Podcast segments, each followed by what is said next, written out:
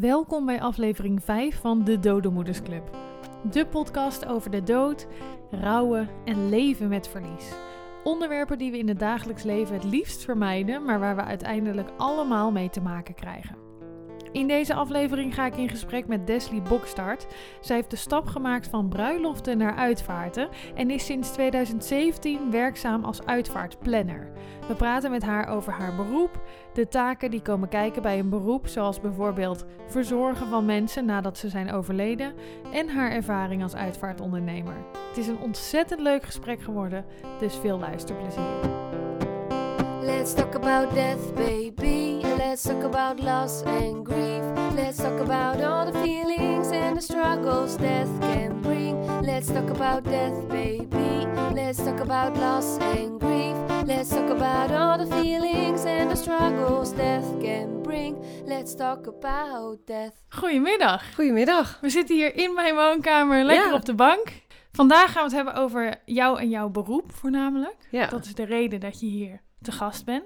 Want jij hebt als uit mijn hoofd drie jaar geleden de overstap gemaakt van de bruidsbranche naar de begrafenisbranche. Klopt dat? Ja, ja ik deed eh nou ja, bruiloften meer als eh, hobbymatig. Ja. Eh, en ik was secretaresse. Ja. En daarvoor eigenlijk altijd horeca gedaan. hotelschool gedaan. Ja.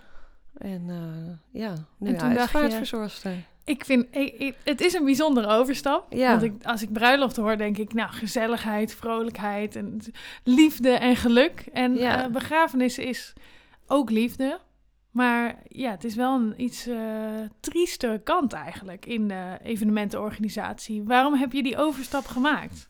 Nou ja, als je puur naar werkzaamheden gaat kijken, eh, dan verandert er niet zoveel. Of het een bruiloft is of een uitvaart. Het blijft Ja. plannen en organiseren. Ja, Eh, en zorgen dat op de dag eh, alles in orde is. ja, Nou ja, iemand, en ik weet dus niet meer wie, heeft mij daar ooit, eh, die zei eens van, joh, Des, waarom ga je nou geen uitvaarten verzorgen? Hè? Dat Ja. is wat regelmatiger, eh, komt vaker voor, minder seizoensgebonden. ja. En dat is ook plannen en organiseren. En toen dacht ik, nee, ik denk, je bent hartstikke gek, ga ik echt niet doen. Ja, En toen heb ik zelf een aantal uitvaarten nou ja, bijgewoond, om mensen te steunen. En daarbij zag ik eh, de uitvaartondernemers door drie keer hetzelfde gedicht voordragen. En Ja. toen dacht ik, nou, dit moet toch anders kunnen. ja, En toen ben ik me er eigenlijk toch een beetje in gaan verdiepen. Want iemand had wel een beetje dat zaadje in mijn hoofd geplant. En toen dacht ik, nou weet je, ik ga me er gewoon eens kijken of dat wat voor me is. En dan schrik ik, schrikt het me vanzelf af. Ja. En dan is het uit mijn hoofd. dat hoopte je ook, dat het je af zou schrikken? Nou, daar, daar ging ik eigenlijk wel vanuit, Ja. ja. En, eh, maar dat was niet zo. Het raakte me eigenlijk alleen maar meer. En dat ik dacht, ja, dit, het, is zo belangrijk voor mensen... eh, dat een afscheid mooi is. Ja, dat een afscheid zeker. persoonlijk is. Ja, eh, dat er afscheid wordt genomen, op wat voor manier dan ook. ja. Eh, en toen ben ik me eigenlijk meer en meer in gaan verdiepen, ja.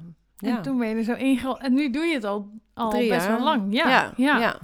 Ik vind het een bijzondere overstap, maar ergens snap ik hem ook wel. Vooral de voldoening die je krijgt, denk ik, uit je werk, dat dat, Ja. dat, dat heel mooi is. ja. Ik ben wel benieuwd om even eerst naar jou terug te grijpen. Wat is de eerste keer geweest dat jij in aanraking bent gekomen met de dood? Nog voordat je dit hele nieuwe beroep had uitgevonden. Ja, toen was ik acht of negen. Volgens mij bijna negen was ik. Een meisje uit mijn klas. Eh, Die had eh, darmkanker. Ja. Eh, en zij is ook overleden toen ze een jaar of negen, bijna negen was. Dat is heel jong ook om, om, Ja. om die ziekte te krijgen, toch? Ja, ja, was ook best wel intens hoor. Want eh, nou ja, ze werd natuurlijk ziek, ze kreeg chemobehandelingen en toen kwam Ja. ze wel weer af en toe op school. Ehm, en op een gegeven moment werd duidelijk dat zij niet meer zou genezen. En toen is zij nog op de vijf uur show geweest. Zij mocht een laatste wens doen. Ja. Zij wenste toen een paard. Ze was heel erg gek van paardrijden. Ja. En toen zijn we ook met de hele klas... eh, de vijf uur show kwam toen bij ons op school. Ja. Nou, toen heeft ze dat paard ook gekregen. Met de hele klas mochten, Oh, we, wauw. mochten we mee. Ik ben een paar dagen voordat zij was overleden... Zijn we, ben ik bij haar geweest. Want we mochten elke keer met twee uit de klas Ja, even langs. op bezoek, zeg ja. maar. Eén of twee keer in de week of zo, dat weet ik niet meer precies. En toen lag zij ook echt... Dat beeld heb ik nog zo voor me. Ze lag op de bank met een dekentje eroverheen. Ze was echt heel ziek. En bijna niet meer aanspreekbaar ook. Ja. En dus dat was best wel, nou, schokkend. Ja, En eh, dat je ook thuis kwam en eh, nou, daar natuurlijk vol van vertelde, ook thuis. ja. ja, want je was negen. Dat is Ja. best wel jong om, Ja. om met de dood in aanraking te komen, überhaupt natuurlijk. Ja, en ook om zo'n jong... Want ze was ook wel echt ziek, hè? Ja. Ze was kaal en ze had een dikke buik. Ja. En, dus dat, ja, dat was ook allemaal heel gek. Ja. En uiteindelijk, eh, haar uitvaart was in de kerk in Zoetermeer. En daarna ehm, eh, gingen ze naar de begraafplaats eh, met een koets. En dat, die werd getrokken door haar paard. Oh, mooi. Ja, Ja. en eh, toen hebben we ook met allemaal gekleurde kleding en ballonnen in die dorpstraat gestaan. Ja, dat vergeet ik ook nooit meer. Nee. nee. Nee, dat is echt een indruk. Ik, ik kan me voorstellen dat als je zo jong bent, dat de dood ineens heel dichtbij komt, zeker als het een leeftijdsgenootje is. Ja, maar het is ook wel weer zo dat daarna gaat je leven ook gelijk weer door Ja? als kind zijn. Ja, ja je, gaat weer als naar kind. school. Ja. Ja. Ja, En als ik daar nu op terugkijk, dan zou je daar heel anders mee omgaan. ja, Uh, ja, als het nu om een kindje gaat waar ik een uitvaart van verzorg, dan, dan loop ik daar langer mee rond ja. dan toen. Maar de hele uitvaart zelf, dat ben ik nooit vergeten. Nee. nee. Nee, nee, gek dat je dan doorgaat in de... En dat is misschien omdat je denkt, ik ben heel jong. Maar ik kan mezelf herinneren dat wij iemand hadden ehm, op de middelbare school... of op de hogere school zelfs, eh, die overleed. En op de een of andere manier gingen we daar ook weer heel snel na door. Daar was een dagje aandacht aan besteed. Ja. En, eh, Ja, en dan toen- de toen volgende ging- dag ga je weer naar de les. Ja, toen Ja. had ik ook gewoon weer mijn studentenleven. Ja. En me- je staat er helemaal niet bij stil wat dat voor een effect heeft... totdat het in je eigen leven gebeurt. Ja, dat, dat merk ja want ik als wel. ik het aan mijn moeder ook, hè, die is meegeweest toen met die uitvaart ook. Ja, En die zei ook van dat was zo, en zij was natuurlijk volwassen, dus mijn Ja. moeder keek daar heel anders naar. ja, En die zei ook, ik heb het daar wel lang moeilijk mee gehad met het idee van wat als mijn kind zoiets zou Ja. gebeuren. En dat heb je als kind zelf niet. nee, tuurlijk niet. Je ik had toen niet zoiets van, oh, misschien word ik ook wel ziek. Of Nee. nee. Nee. Je leven gaat daarna eigenlijk gelijk weer door als kind zijn. Dus dat is wel bijzonder. Ja. Ja, ja. Gelukkig maar, eigenlijk. Ja, het is ook wel goed. Ja, Ja, zeker wel. Dat denk ik ook. Ja. Ik stel mensen altijd de vraag aan het begin van de podcast: eh, wat heb jij geleerd van de dood? Eh, dit is de eerste keer dat jij te maken hebt gehad met de dood. Ben je daarna nog in aanraking gekomen met de dood? En, en heeft dat jou iets geleerd in je leven tot nu toe? Ehm, Naast je werk natuurlijk. Jij komt heel vaak in aanraking met dood. ja, nee, ja, maar ik, eh, mijn oma is overleden. Toen was ik een jaar of 15. Ja. Eh, en later is nog een vriend van ons overleden door een auto-ongeluk. En eh, ik weet nog wel dat er hè, ook vrienden van hem toen hadden gezegd van ja, het is zo moeilijk om zijn uitvaart te bepalen, want je hebt het er nooit met hem over gehad. Ja. En zijn ouders waarschijnlijk ook niet. En toen dacht ik, oh ja, daar moet ik wat mee. En ik heb toen eigenlijk, want ik was toen zelf 18. Ja. En toen heb ik gelijk een uitvaartverzekering afgesloten. Oh, echt? En eh, nou ja, via die verzekering kon je ook wensen aanvullen, en, eh, invullen. Dus dat heb ik toen ook gelijk gedaan. Maar dat zit ook in mij. Oké, Ik- om ik ben een gelijk te regelen. Planner. Ja. En ik, heb, ik ja, laat zo min mogelijk aan toeval over, zeg maar. Ja. Dus nou ja, dat had ik toen al wel, denk ik. Want ik heb toen wel gelijk dingen vastgelegd en opgeschreven. Dat ik dacht, oké, als me dan wat gebeurt, dan weten mijn ouders in ieder Ja. geval wat ik had gewild. En ik ben er nu voor verzekerd. Dus ja, ja. ja. Dus qua kosten hoeven ze zich geen zorgen te maken. En Nee. qua wat. Maar heb je die nog wel eens aangepast? Want dat was, Ja. toen was je 18. Ja, die pas ik elke jaar ongeveer uh, Echt pas waar? je dat aan. Ja, ja. Maar wat, wat verandert er dan in? Heb je Muziek dan elk jaar... vooral. Oh ja, tuurlijk. Ja. ja. Ja, als ik daar iets in wijzig, is het eh, muziek. En wat is nu de muziek die gedraaid gaat worden op jouw begrafenis? Eh, ja, eentje blijft eigenlijk altijd wel staan. Dat is een liedje van Laura Pausini. Ja, Die blijft eigenlijk, eh, die gaat al die jaren wel, schuift dat mee. Dat, is een, dat is een winnaar. Maar het is nu alweer even geleden dat ik hem heb aangepast. Maar ik zou hem nu denk ik wel weer qua muziek aanpassen. En ik heb altijd opgeschreven dat ik begraven wil worden. Ja. En daar heb ik de laatste jaren een beetje mijn twijfels over gekregen. Dat ik dacht, nou, Ah. misschien toch niet. En inmiddels denk ik dat ik wel eh natuurbegraven zou willen. Oké. Op een natuurbegraafplaats, ja. Ik heb geen idee. Wat is, wat is het verschil tussen begraven en natuurbegraven? Eh, begraven is echt op een, een kerkhof Ja, met een steen. het klinkt ook eh, gelijk vrij heftig. Ja, ja, met een, een steen komt daarop. En Ja. daar liggen, nou ja, als je een algemeen graf hebt, liggen daar meerdere mensen, drie vaak. Ja. Eh, waarvan je niet de keus hebt wie daarbij komen. En je kan het niet verlengen. Dus het wordt ook na zoveel jaar weer geruimd. Ja, eh, om plek te maken voor nieuwe mensen. ja. En je kan ook een eigen graf aanschaffen. En dan bepaalt mijn familie wie er bij komt. Oh, ja, ik koop dan dat Oh, graf. En stel, nou, mijn partner overlijdt later. Die zegt, nou, ik wil daar ook bij. Dan kan dat. Eh, en dat kan je elke keer weer verlengen, de rechten, om dat graf langer te houden. Ja. En bij een natuurbegraven is het zo dat je op een, ehm, eh, ja, op een natuurgebied wordt begraven. Daar mag, wordt geen steen geplaatst. Daar plaatsen ze alleen een houten boomstam die Ja. ingegraveerd kan worden. Ja. En verder is het de bedoeling dat je daar gewoon door de natuur loopt.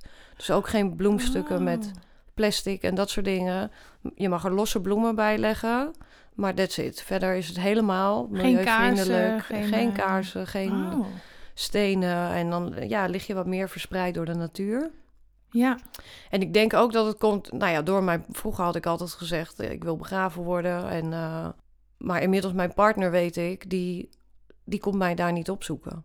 Oh ja, oké. Snap je? Dat, dat, Maar dat past gewoon dan- niet. Ja, Oh, dat oké, past gewoon ja. niet bij je. Ja, ja, ja. En dan, ja, ik loop nu regelmatig op begraafplaatsen rond en dan liggen er van die hele verlaten graafbenen. En Ja. dan denk ik, ja, dat wil ik eigenlijk ook niet. Ja. En hij zal mij thuis herinneren of in een hele hoop andere dingen. Ja. Maar het is niks voor hem om elke week zo'n begraafplaats te bezoeken. Nee. Dus dan denk ik, ja, dan moet ik dat misschien niet doen. En misschien als ik kinderen heb, eh, zou ik het wel weer doen. Ja. ja. Ja. want dat verandert het Ja. wel een beetje. Die hebben misschien wel die behoefte om jou op te Om zoeken. een plek te of, eh, hebben. Ja. Of, eh, Ja. dus het is heel afhankelijk van. Maar ik, ik vind zelf het idee van cremeren gewoon niet zo. Ja. Nee, heb ik ook niet helemaal vrede mee. Tenminste, Nee. vooral bij mezelf zou ik het nog niet eens zo erg vinden. Maar ik had bij mijn moeder wel moeite gehad als, als zij gecremeerd was geworden. Maar ik had ook heel erg behoefte aan dat, dat plekje Ja, dat het begin. plekje, ja. ja. Om daar iets, om dat te verzorgen en een beetje met Ja. plantjes. Daar, dan had ik het gevoel dat ik iets kon doen of zo. Terwijl dat nu, ja, het is nu zes jaar later. En nu is dat al veel minder belangrijk voor mij. Nu maakt het plekje eigenlijk niet zo heel veel meer uit. Ze is hier, maar niet daar meer. Of zo. Dus dat verandert misschien ook in je leven wel als je door een rouwproces heen gaat. Of de- ja, ja. Dat wordt. En dat is ook waarom mensen bepalen of ze op een gegeven moment die rechten bijkopen of Ja. niet. Hè? Ja. Eh, ja, bij een algemeen graf kan het dan niet. Maar als het een eigen graf is, op een gegeven moment denk je van ja, wat ben ik er nou geweest de afgelopen tien jaar? Ja, ja, En dan is het misschien ook tijd om daar afscheid van te nemen, ja. ja, op zich logisch natuurlijk. Je Ja. kan niet eeuwig. Nou, je ziet Maar het is heel persoonlijk, ja. Die er eeuwig liggen, voor Ja. je gevoel. Dus je 1880 Nou ja, dat kan, dat het 18, eh, verlengd wordt. En eh, ja, sommige families willen echt Tot in behouden. de eeuwigheid. Ja, eh, ja. ja. ja, Ik, ik ben wel benieuwd. Jij bent in het begin, nou ja, een soort van erin gerold door nieuwsgierigheid. En je dacht, ik ga wel kijken wanneer ik er geen zin meer in heb. Je bent er ook met je vader voor gaan studeren, las Ja. ik. Ja, Dus dat lijkt me ook wel weer gezellig of zo. Dat je het deelt met je vader, die nieuwe Ja. dingen die je tegen. ja, dat is wel bijzonder hoor. Mijn vader is inmiddels nu met pensioen, toen nog niet, maar wel Ja. bijna.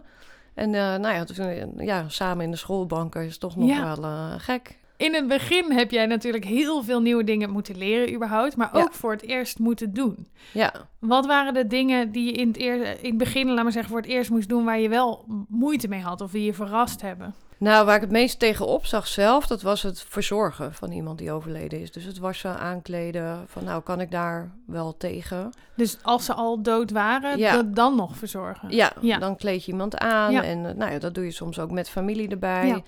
En ik hoorde al wel dat er ook uitvaartondernemers zijn die dat helemaal niet doen. En echt helemaal uit handen geven. Ja. Dus ze zeiden al van als u er niet tegen kan, dan hoeft het niet. Maar toen dacht ik, ja, maar dat kan niet. Nee. Als ik dit werk ga doen, dan moet ik ook alles kunnen doen. Ja. Ehm, en natuurlijk uit praktische overwegingen, want inmiddels heb ik ook een verzorgingsteam inderdaad waar Ja. ik mee samenwerk. Ja. Maar als de familie bij mij aangeeft dat zij zelf de verzorging willen doen, dan Ja. ga ik ze daarbij helpen. En dan ga ik daar niet weer een vreemde voor sturen. Dus ik vind wel dat ik moet er wel tegen kunnen. Ja. En daar zag ik best wel tegenop. Dat ik dacht, ja, ik heb mijn oma inderdaad aangeraakt toen ze was overleden. Het was heel koud. Ik was toen 15. Ik was best Ja. wel geschrokken. Ja. En daarna eigenlijk nooit meer. Dus toen dacht ik, ja, ik weet het Kan niet hoor. wel. Of ik dat wel kan en durf. En, ehm, ja, dus ik heb toen de gelegenheid gekregen om eh, met iemand mee te draaien in een Ja. mortuarium. Ja. Eh, en die hebben dat gewoon heel rustig met mij gedaan. En van een onbekend iemand. Ja. Ja, dat was eigenlijk wel heel mooi. Toen dacht ik, ja, ik kan hier wel tegen. En dat, dat was mijn grootste vraag. Dat ik dacht van, ik ga niet aan die opleiding beginnen Als je dat niet kan. als ik dat niet kan. Ja. Nee. Ja. Nee, want dat lijkt me. eh, ik kan. Ik heb het zelf ook gedaan bij mijn moeder. Daar Ja. aangekleed en eh, eh, verzorgd. Maar Ja. bij ons was het geen keuze eigenlijk. Er kwamen twee mannen binnen die dat zouden doen.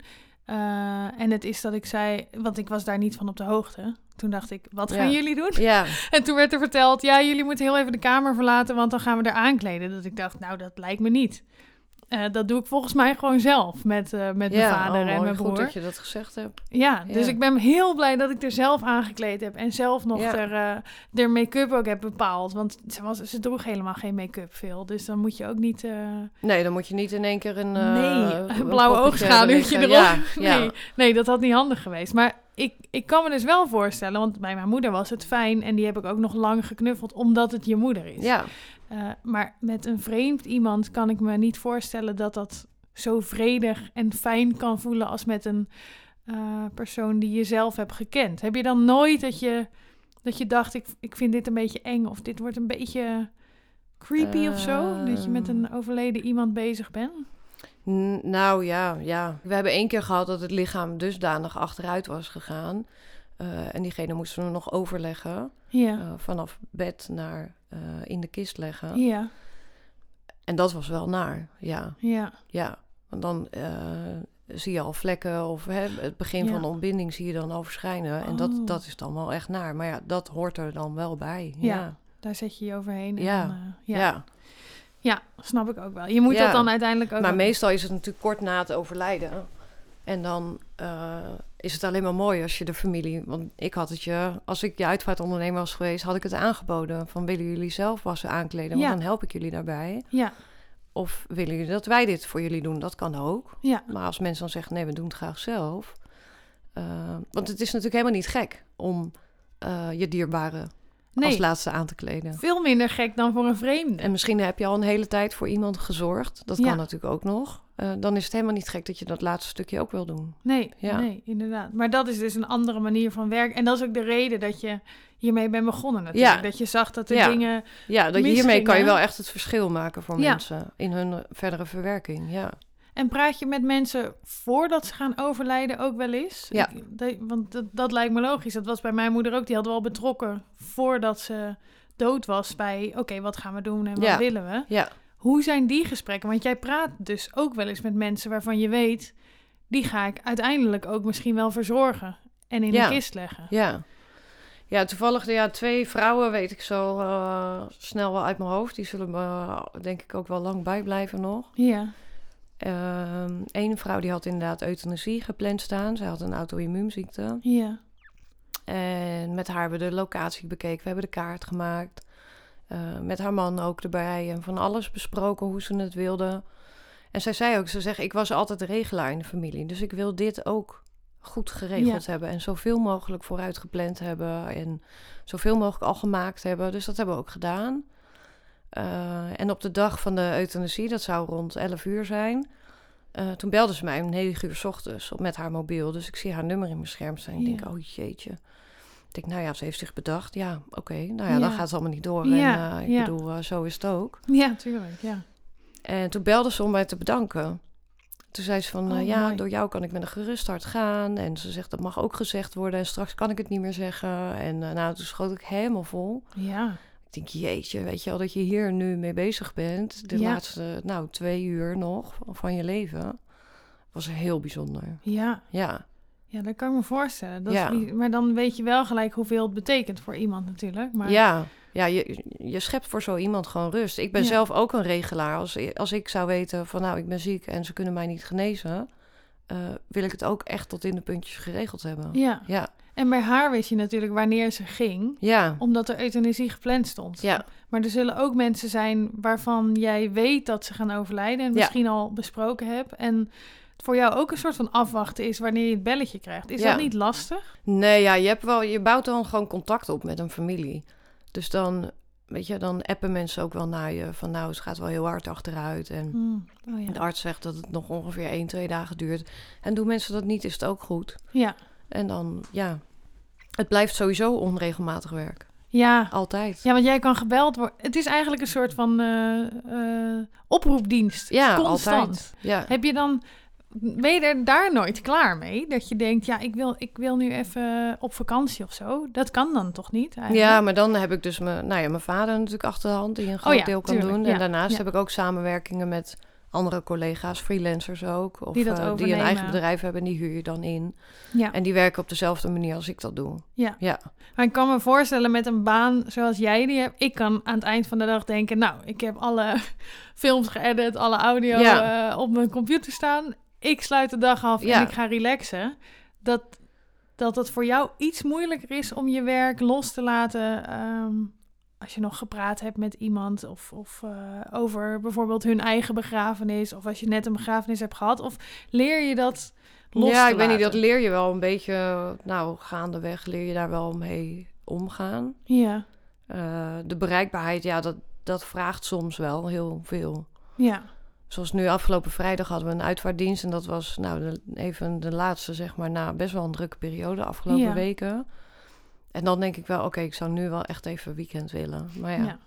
Dat kies je niet. Dat, nee, dat weet je nooit. En nou heb ik inderdaad twee dagen, nou, weekend gehad. En ik Ja. denk, nou, heerlijk.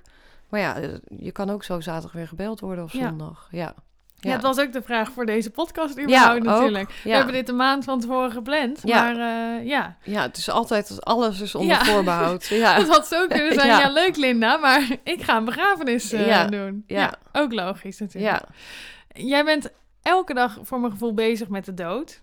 Ehm, of in ieder geval in aanraking met de dood. En Ja. je werk draait om, om de dood. Ben je dan zelf veel bezig met je eigen dood ook? Van wanneer, eh, wanneer ga ik overlijden? Of sta je bewuster in het leven daardoor? Nou, dat laatste zeker.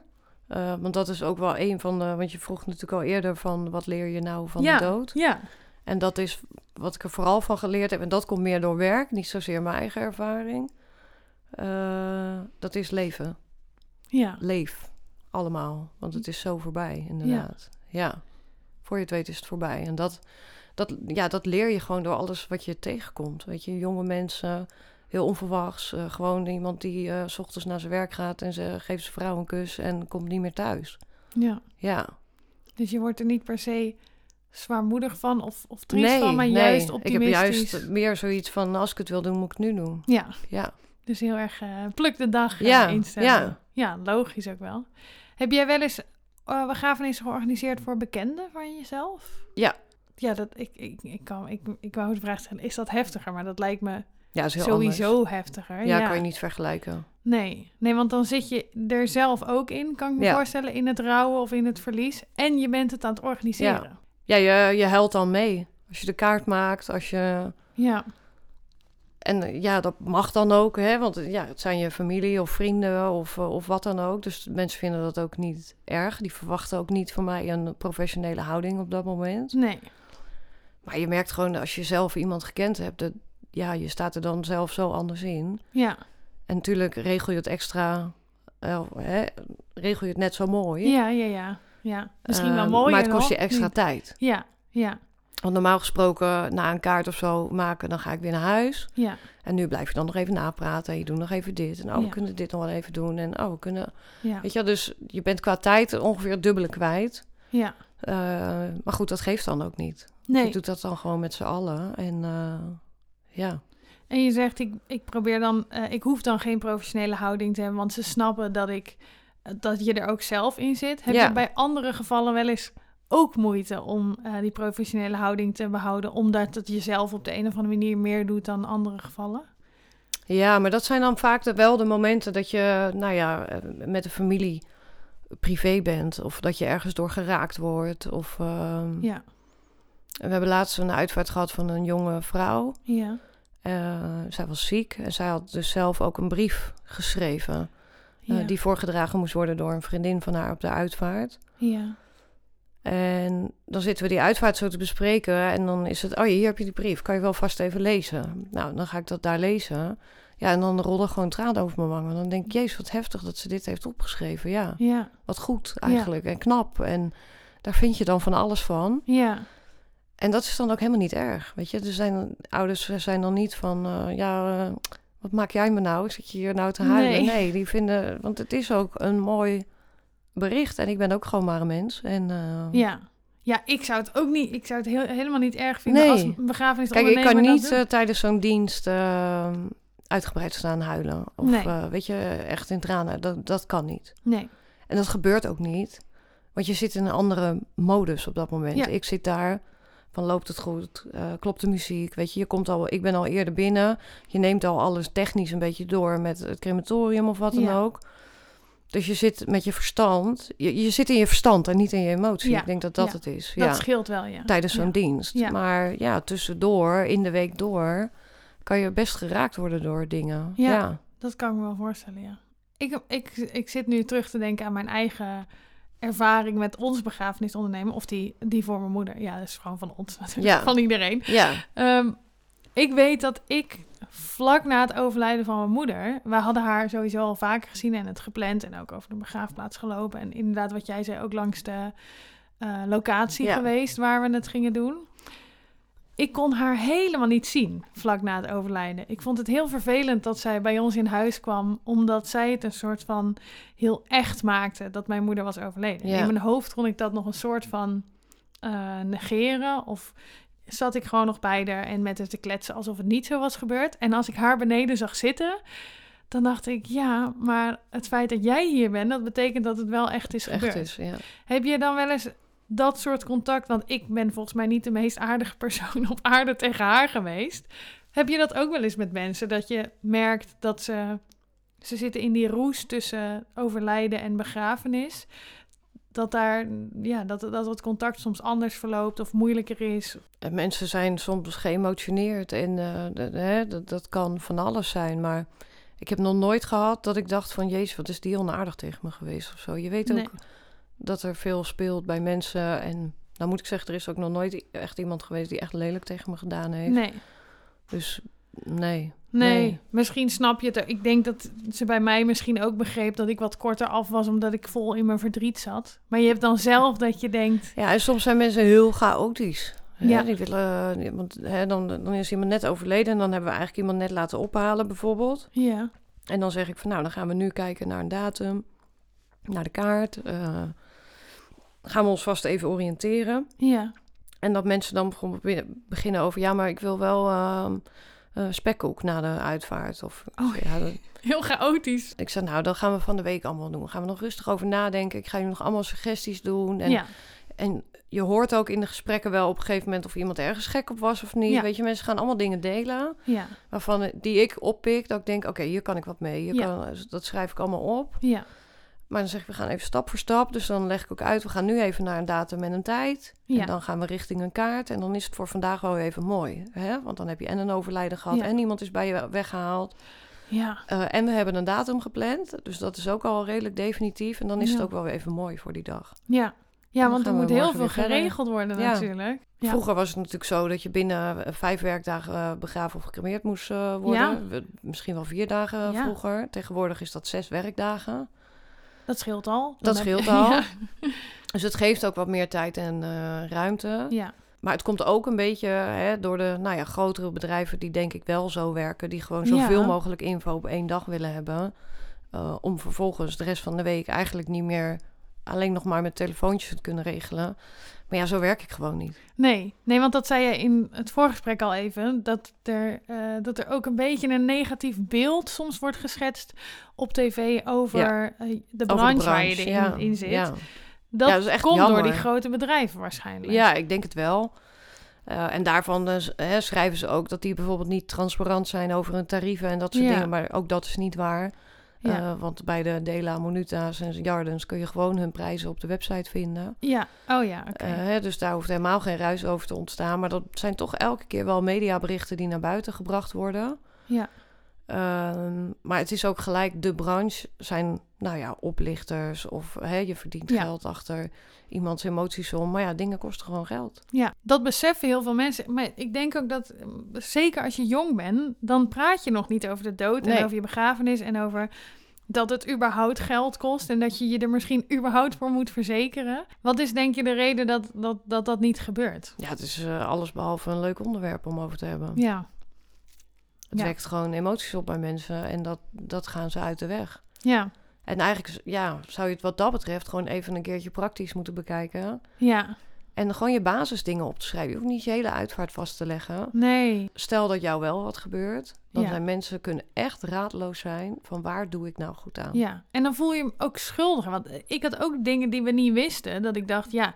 ik weet eigenlijk niet zo goed of ze nou eh, links of rechts had gewild, laat maar zeggen. En dan voel je je bijna schuldig om een Ja. keuze te maken. Ja, ja, ja. Dat, dat gevoel wil je nooit achterlaten Nee. bij mensen eigenlijk. nee, nee. eigenlijk niet. nee. Dus als je Maar iedereen gaat ervan uit dat we een soort van onsterfelijk zijn. Hè? Van Ja. nou, de dood schuiven we net zo lang voor ons uit. Totdat het echt niet anders kan. Ja, ja, Terwijl dat voor je naaste echt wel vervelend kan zijn. ja. Ja, Ja, en het is hetgene wat het meest zeker is in je leven. Dat je doodgaat. ja, Dus in principe kan je hier in ieder geval mensen maken carrièreplannen en plannen Ja. kinderen en zo. Maar je dood kan je in principe altijd plannen. ja.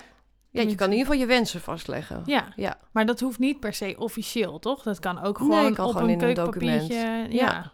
dat, ja. dat is En heel veel uitvaartverzorgers hebben daar ook boekjes voor. Ik heb daar ook een wensenboekje voor gemaakt. Eh, waarin gewoon eigenlijk alles wordt gevraagd. Ja, En je kan daarin ook invullen van... eh, dit laat ik over aan mijn nabestaanden. En dat Oh, is ja. prima. maar dan Want weten dan ze weten die mensen ook... Oké, wat ik ook doe, het is prima. Het is goed. Ja, Ja, ik vind, ik vind dat iedereen die luistert in ieder geval even aan iemand in zijn omgeving zo'n boekje moet vragen. Ja, Ja, vind ik ja. wel. Ja, kijken. Of kijk bij jou even, bij Destiny. Dan, eh, dat heb je vast op je website staan. ja, ja, ja, zeker. Dan kan je een indruk krijgen in wat je daarin moet, eh, moet zetten. Ik ga er ook, want ik moet zeggen, ik ben heel veel met de dood bezig. Ik maak er een podcast over. Ja, Maar ik heb dit niet, eh, niet op papier staan. En ik vraag me ook af of mijn vriend weet hoeveel eh, mijn wensen, laat maar zeggen. ja. Jij bent een soort van begrafenis-expert. Heb jij eh, nog, heb je dan een, een begrafenis in je herinnering dat je denkt: oh ja, dit vond ik wel de tofste begrafenis om te organiseren? Al klinkt dat misschien een beetje de mooiste, misschien. Nou ja, qua organiseren is het natuurlijk zo als er veel plekken zijn waar je dingen doet. Of een bepaalde route nog rijdt. Of, Ja. Want dan, nou ja, moet organisatorisch gewoon alles kloppen. Ja, Qua tijd, qua vervoer. En dan ga je een beetje richting een evenement eigenlijk. Ja, En als dat natuurlijk helemaal klopt aan het einde van de dag, ja. is dat gewoon, puur werktechnisch gezien, is dat gewoon heel mooi. Ja, Ehm, want zo ben ik er natuurlijk een beetje ingestapt. Hè. Ik ben er een beetje zakelijk ingestapt van, nou, Ja. ik ben goed in plannen en organiseren. Ik word daar vrolijk van. Dus ik ga uitvaart organiseren. En Ja. inmiddels is dat zo op de achtergrond gekomen. Eh, doordat je gewoon ziet wat je voor mensen kan betekenen, ja. is dat in één keer veel waardevoller eigenlijk geworden Ja. dan, eh Je hebt dan een het nieuwe hele passie gevonden. Ja, dan het hele plan. En dat had ik van tevoren niet zo kunnen inschatten. Nee. Uh, maar ja, dat komt door de ervaring heen. Ja, en nu is het gewoon, je, ja, je bent heel erg op zoek naar iets persoonlijks. Mhm. Van wat past nou echt bij diegene? Het kan zoiets simpels zijn, Ja. Uh, maar dat is vaak dan wel iets wat iemand nog heel lang daarna roept eigenlijk. Ja. we hebben dit gedaan en uh, dat was zo mooi en dat Ja. paste zo erg bij die, bij die persoon. En het enige wat ik eigenlijk doe is een idee opgooien. Ja. En dan Zo kijken van, oh, of we het gevangen wordt. ermee. en, eh, ja, dan, ja. eh, oh ja, oh ja. Nou, en dan gaan families het zelf wel ja, ja. meer uitdenken. Of, eh, nou ja, of je neemt het inderdaad zo over. We hadden laatst een mevrouw. En eh, zij verzamelde stenen Ja, op vakanties. ja. Dus nou ja, in eerste instantie, haar man eh, vertelde daarover. En die zei, ja, eh, die verrekte stenen. En ik moest ze altijd tillen. En, eh, ja. maar ik dacht van, nou, het zijn echt stenen hè, waar hij het over heeft. En, ehm, maar ja, altijd wel iemand was de pineut om zo'n steen te tillen. Kinderen of ooms, tantes. Ja. Of... Nou ja, toen pakte een van die kinderen zo'n steen erbij. En dat waren eigenlijk, nou ja, gewoon stenen, kleine steentjes die je onderweg Oh. vond. En die, nou ja, die verzamelde zij dan en nam ze mee. Dus ik had gezegd van, nou, we kunnen daar de aula wel mee aankleden. Dus een aantal op de kist leggen of misschien in een Oh vaas ja, ervoor. mooi. Of, want het is voor iedereen die daar zit, is het wel herkenbaar. Want iedereen heeft dus wel eens zo'n steen getild. Ja. Ja, ja, zeker. En eh, nou, die kinderen gelijk aan de slag hebben dat gedaan. En uiteindelijk hebben zij het idee zelf verder uitgedacht. En die hadden dus gezegd, als iemand weggaat, eh, na het condoleren, mag iedereen een steen uitzoeken en meenemen. Nou, Mooi. waarbij mensen natuurlijk gingen zoeken van, waar is die steen die ik toen met haar op Oh, vakantie, ja. die ik voor haar moest tillen. Weet je, mensen gingen dan echt een beetje zoeken. Ja, En het, het kost niks, maar het is zo, zo waardevol. ja. En dat ja. was zo mooi.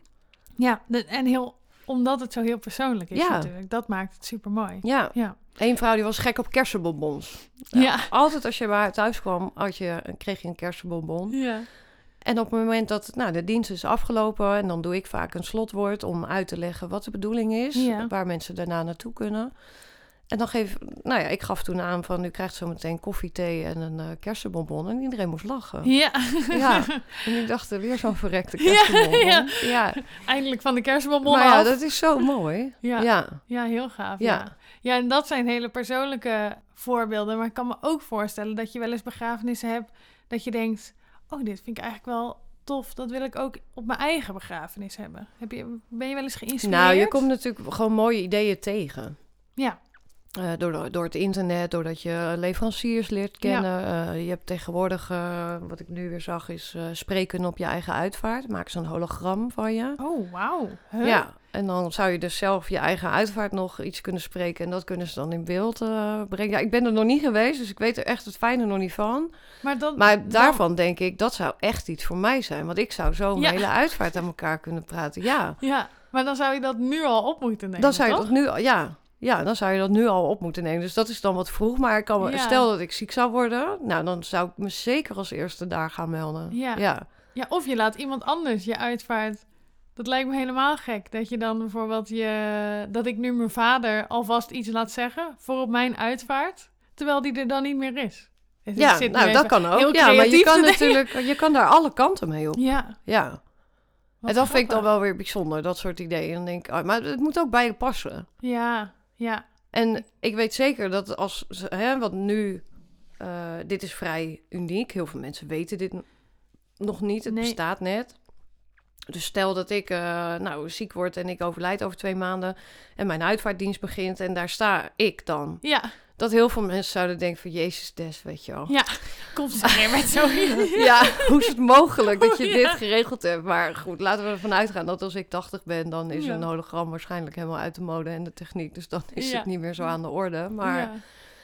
Mensen zouden dit nu wel bij mij vinden passen. Ja, Ja. dat denk ik wel. Ik zou het wel tof vinden om op mijn eigen begrafenis te praten. Ja, ik ook. Want- Ja, Dat je nog even iedereen aan het lachen maakt. Ja. Of even een, een, een leuk gesprekje Ja. hebt of zo. maar als je dit idee ook aan mensen vertelt, zeggen mensen... oh nee, dat zou ik echt heel erg eng vinden en Oh schrikken. En dat ik denk, oh ja, dat zou misschien ook nog wel kunnen.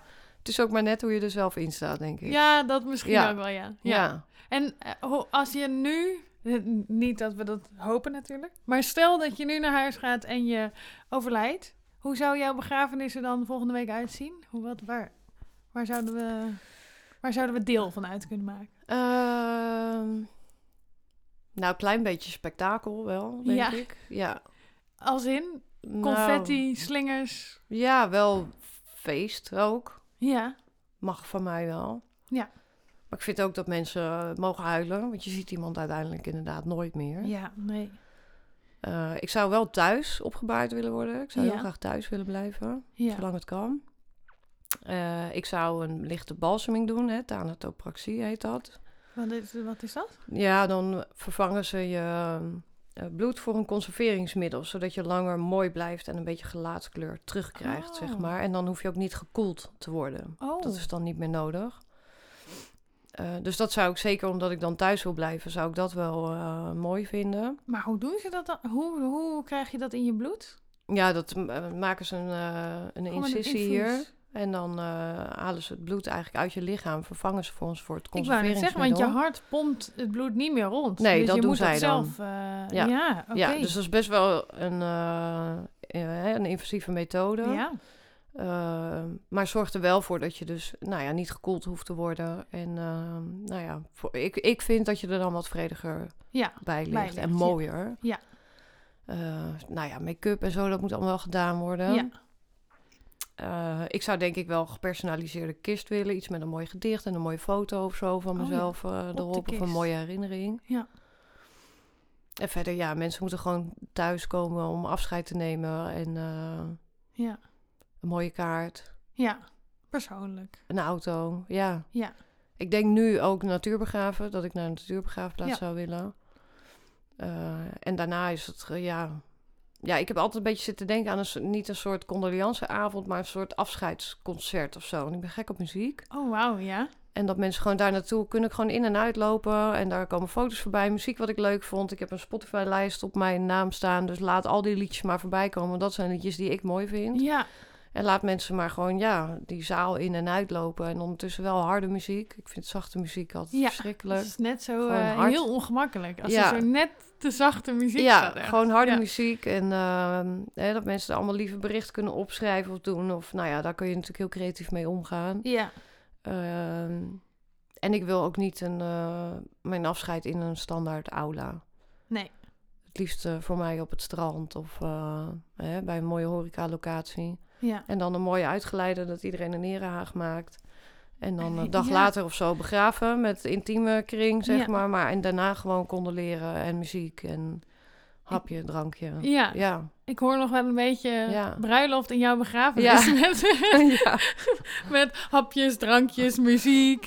Ik heb altijd, het staat ook in mijn boekje, ja, dat is wel gek hoor. Maar ik heb altijd opgeschreven dat als ik nog niet getrouwd ben en ik overlijd, nou ja, voordat ik getrouwd ben, dat ik in een bruidsjurk wil uh, Oh, echt? wil worden. Ja. Ja, dat is wel mooi. Ga je toch nog een keer in Toch de nog bruidsjurk? ooit is. eh, Doe je gewoon de, de bruiloft, maar dan Ja. overleden. Ja. Ja. Ergens heel luguber, maar ook wel, eh, ja, wel mooi. Ook daar zullen mensen dan om lachen als ze dat zien. Ja, sowieso. Ja. Ja. Ik, het lijkt me hilarisch als iemand ineens in een Ja. bruidsjurk... Dat heb Ja. nog nooit gezien natuurlijk. Nee, ja, maar mensen weten wel, eh, nou ja, dat ik eh, het huwelijk ook heel mooi vind. Dus Ja. ja. het is gewoon herkenbaar ook. Dus ik denk, jezus, Tess, weet je wel. Of dat je- niet ja. loslaten. Ja. Dat je verkleed gaat of zo. Dat Ja. lijkt me ook wel leuk. Of in je... Dat heb, heb je ook natuurlijk. Mensen die eh larpen of zo. Dat ze dan in hun larppak gaan. Ja, Dat is ook wel tof. ja. Ja. ja. je kan eh, aandoen wat je wil. Ja, nou, maar jouw, jouw begrafenis klinkt wel als iets waar ik bij zou willen zijn. Ja. Met een concert en... Ja. eh, mooi, mooi. Ik, ik heb nog een paar stellingen voor jou. Ja. En daar mag je antwoord op geven. En dan... Misschien wil ik het er dan nog over hebben. Dat kijken we wel even. Als begrafenisondernemer mag je geen emoties tonen tijdens de ceremonie. Is dat Mm, is het waar waar, of niet waar? waar? Ja, Ja. niet waar. Nee, niet waar? Nee, je mag best wel, vind ik, geëmotioneerd zijn door Ja. iets. Ja, je Dat zei het ik, net je kan daar niet uitgebreid gaan staan snikken. Nee. Of eh, harder huilen dan de familie. Maar als jij daar een traantje wegpinkt, eh, ja, dan is dat niet? prima. Ja. Nee, dat is ook een beetje medeleven tonen natuurlijk. Ja, en als het je gebeurt, eh, dan ja, gebeurt het. Ja. Ja. En als je echt geëmotioneerd... Heb je je wel eens in moeten houden? Dat je eigenlijk eh geëmotioneerder was dan dat je kon laten zien... doordat Nee. je je professioneel moest gedragen? Nee? Nee, zeker niet. Dat zeg ik op de dag van de uitvaart ben je zo in die regelmodus. Ja.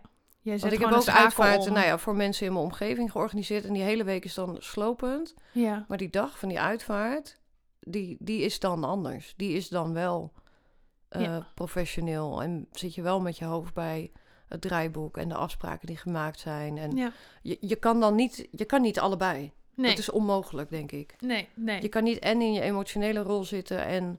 Nee. ehm, want eh, nou ja, ik heb twee jaar geleden gedaan eh, hè, voor een bekende ook. Ja. Maar ik ging daar ook namens mezelf spreken.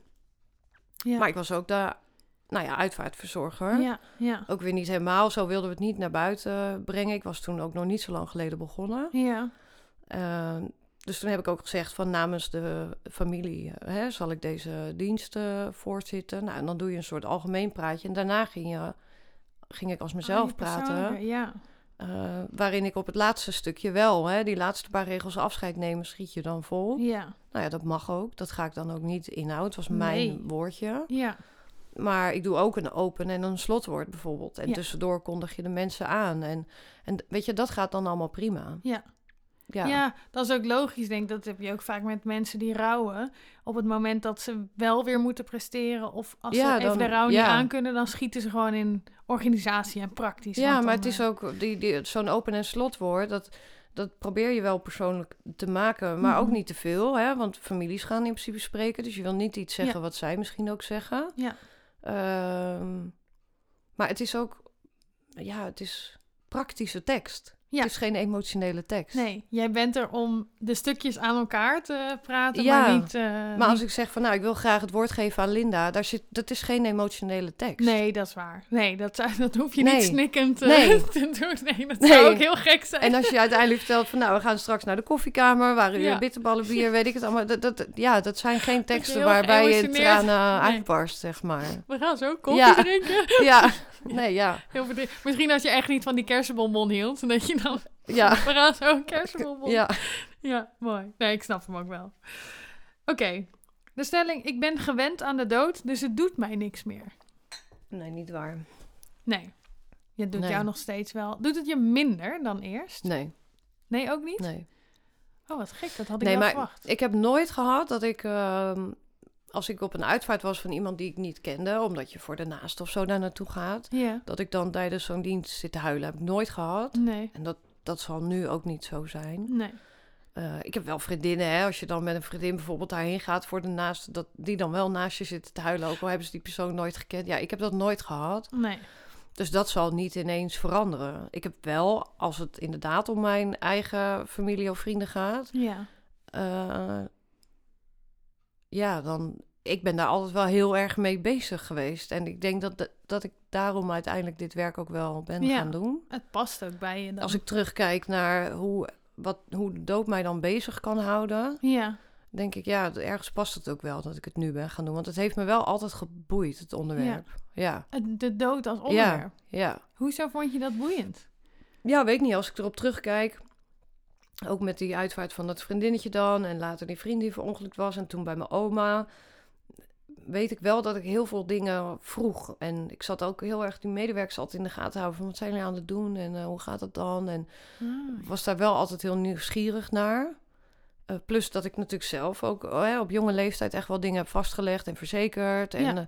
eh, geregeld. En ja, ik heb toch altijd wel het besef goed gehad van je weet maar nooit wat er gebeurt in het leven. Ja. Ja, Ja. ja. Maar dat je er dan ook echt nieuwsgierig naar bent, inderdaad. Dat, Ja. dat, dat het dood je ergens ook trekt. Nou ja, ook als ik kijk naar wat kijk ik graag, weet je, dat zijn bijvoorbeeld autobiografen eh, eh, van mensen eh, over mijn lijk, weet je, vind ik echt een Oh ja. fantastisch programma. Ja.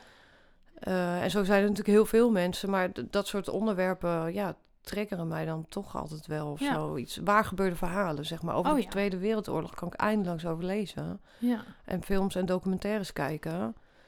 Het, het is verschrikkelijk, maar dat kijk ik liever dan een of andere science fiction film of zo. Ja. Oh ja, Ja. grappig. Ja. Nee, ik niet. Doe mij maar science Ja. fiction. Ja.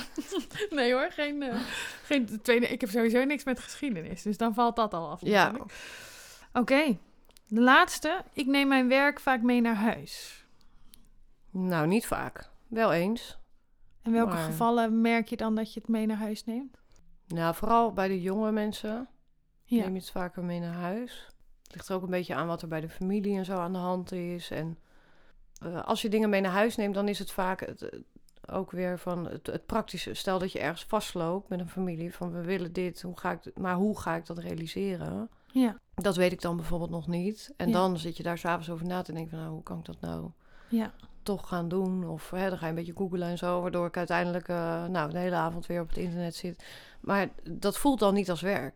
Nee, want je wilt het gewoon voor elkaar krijgen. Nou ja, je, je- maar ik zit dan ook gewoon op de bank televisie te kijken Ja. en te googlen. En, Ja. en dan denk ik, oké, even kijken van, ze hebben dit genoemd. Hoe kan ik dat Ja. mooi gaan vormgeven of zo? Dus Maar dat is, is niet echt werk mee naar huis natuurlijk. nemen. Ja. Het is wel werk, maar ja. Je, je had ook iets anders kunnen Ja. googelen. ja ik, heb nog niet, ik heb nog niet echt gehad dat je eh, ergens niet van slaapt of zo. Nee, oké, ja. Want Nee. Dan, dan neem je het echt mee naar huis Ja. natuurlijk. Ja, Ja, oké. Nou, fijn. ja. Toch? Ik hoop dat je dat zo houdt voor jezelf. ja maar ook omdat je weet, oké, we gaan morgen weer verder. ja, ja het is allemaal wel te regelen. Je weet dat je het Want kan. bij sommige mensen zijn echt wel erge dingen aan de hand. Ja. Eh, een familiedrama bijvoorbeeld. Ja. Daar, daar spelen dan zoveel factoren. Maar het is niet zo dat ik er dan, dan niet van slaap. Nee. En fa- houdt je wel bezig. Familiedrama als in mensen ruzie in de familie terwijl er een begrafenis is. Nee, nou, Of, eh, dat is er ook. Eh, maar goed, ook waar eh, kinderen bij omkomen, hè, bij familiedrama's. Oh, zo, ja. ja. dat gebeurt ook. dat is helemaal en, ja, daar moet je er ook niet te veel van hebben in een jaar. Nee.